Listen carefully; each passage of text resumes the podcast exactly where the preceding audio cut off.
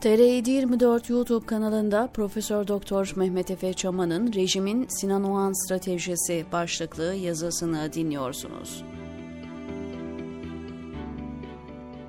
Ata İttifakı, özelde de Sinan Oğan, ya CHP ve Millet İttifakı'nın demokrasi ve hukuk merkezli seçim stratejisini içeriden çökertmeye yönelik usta satranç hamleleri idiyse, hiç bu olasılığı düşündünüz mü? İzah edeyim. Birinci tura ciddi bir demokrasi ve hukuk talebi momentumuyla girdi Kılıçdaroğlu. Paradigma 14 Mayıs öncesinde tümüyle güler yüzlü, yok olan adaleti restore etmeyi hedeflediğini açıkça deklare eden, siyasi mahkumları, KHK'lıları, hapishanedeki bebekli anneleri, kuru sıkı fabrikasyon suçlamaları üzerine inşa edilmiş olan fabrikasyon mahkemeleri, rüşvet ve yolsuzluğu, Kürtlerin haklarını, hukukunu, cinsiyet eşitliğini, Batı ile ilişkilerin düzeltilmesini vesaire savunan bir söylemdi. Erdoğan bu söylemin hedefindeydi. Her gün siyasi manada kan kaybediyor, eriyordu. Millet İttifakı çok geniş kesimleri bir araya getirmeyi başarmıştı. Kürt siyasi hareketinin de Millet İttifakı'na desteği İyi Parti'de meydana gelen huzursuzluğa karşın diplomasi ve aklın yoluyla aşılmıştı. Saray rejimi sarsıntılar geçiriyordu. Erdoğan hamle üstünlüğünü kaybetmişti. Birinci turda rejim ciddi oy çalmasına karşın ilk turda işi bitirmemeye karar verdiler. Sinan Oğan'ın oylarını AA verilerinde %5 bandına sabitlediler. Bu yemdi. Amaçları ikinci turda Kılıçdaroğlu ve Millet İttifakı'nın %5'lik yemi yani Zoka'yı yutmasını sağlamaktı. Yuttular. Bu 5 puanı almadan ikinci turu kazanamayacaklarını hesapladılar.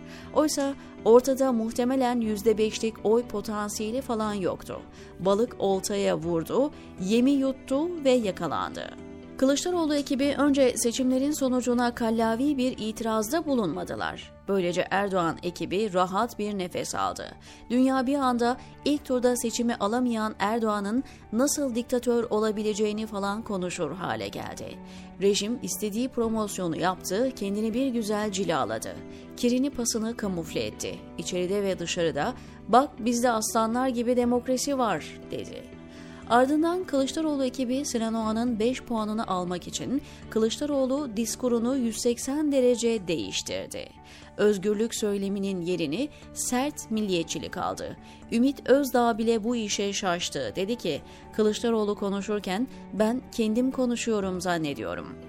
Kılıçdaroğlu demokrasi ve hukuk anlatırken bir anda 10 milyon mültecinin sınır dışı edilmesini konuşmaya başladı. Türk üstünlükçü, nasyonalist, ırkçı bir diskuru kamuoyuna pompaladılar. Çok daha mülayim olmaları gereken, asla popülizm yapılmaması uygun olacak ciddi bir güvenlik meselesini suistimal etmeye başladılar. İşin içine korkunç xenofobik ve ırkçı malzemeleri kattılar.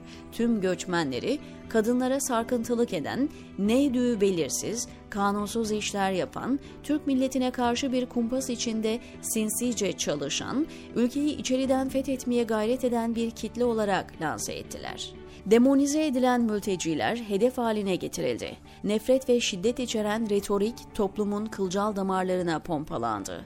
Halkın göçmenlerden kaynaklı çekincelerinin üzerine bir kampanya inşa edildi.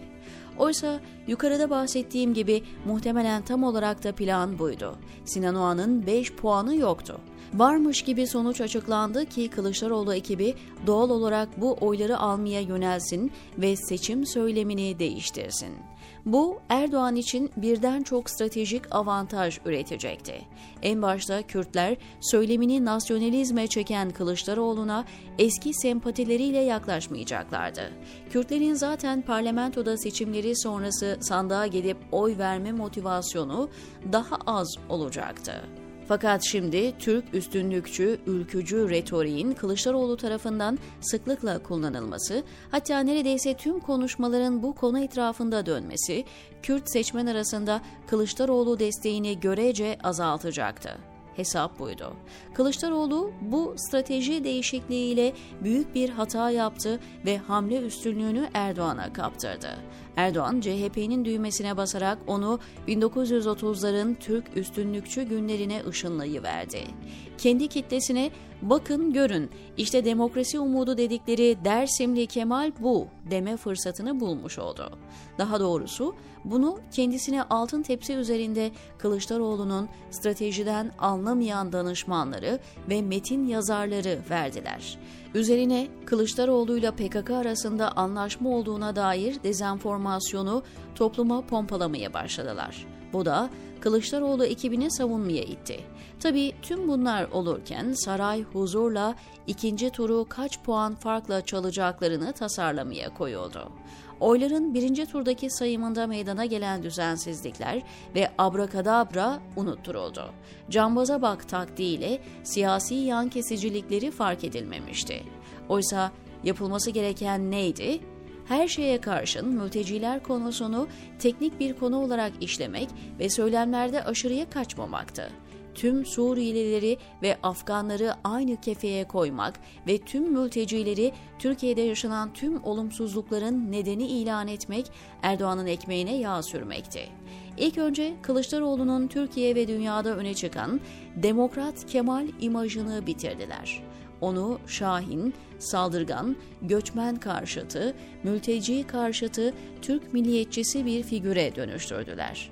Bu Erdoğan'a mevzi ve avantaj kazandırdı. Sonra Sinan Oğan Erdoğan'a desteğini ilan etti. Artık seçimi çalmanın matematik gerekçesi de hazırdı. Madem birinci turun ardından o anın 5 puanına itiraz etmediler, hatta o 5 puanın sevdasına pişmiş haşlarına su kattılar, şimdi o 5 puanın ikinci turun ardından otomatikman Erdoğan hanesine yazılmasına da itiraz edemeyeceklerdi. Seçimi masa başında çalmanın aritmatiği hallolmuştu artık. İkinci turda yine seçimi çalacaklar ve eğer olur da muhalefet itiraz ederse diyecekler ki toplama çıkarma da mı yapamıyorsunuz? Her şey ortada.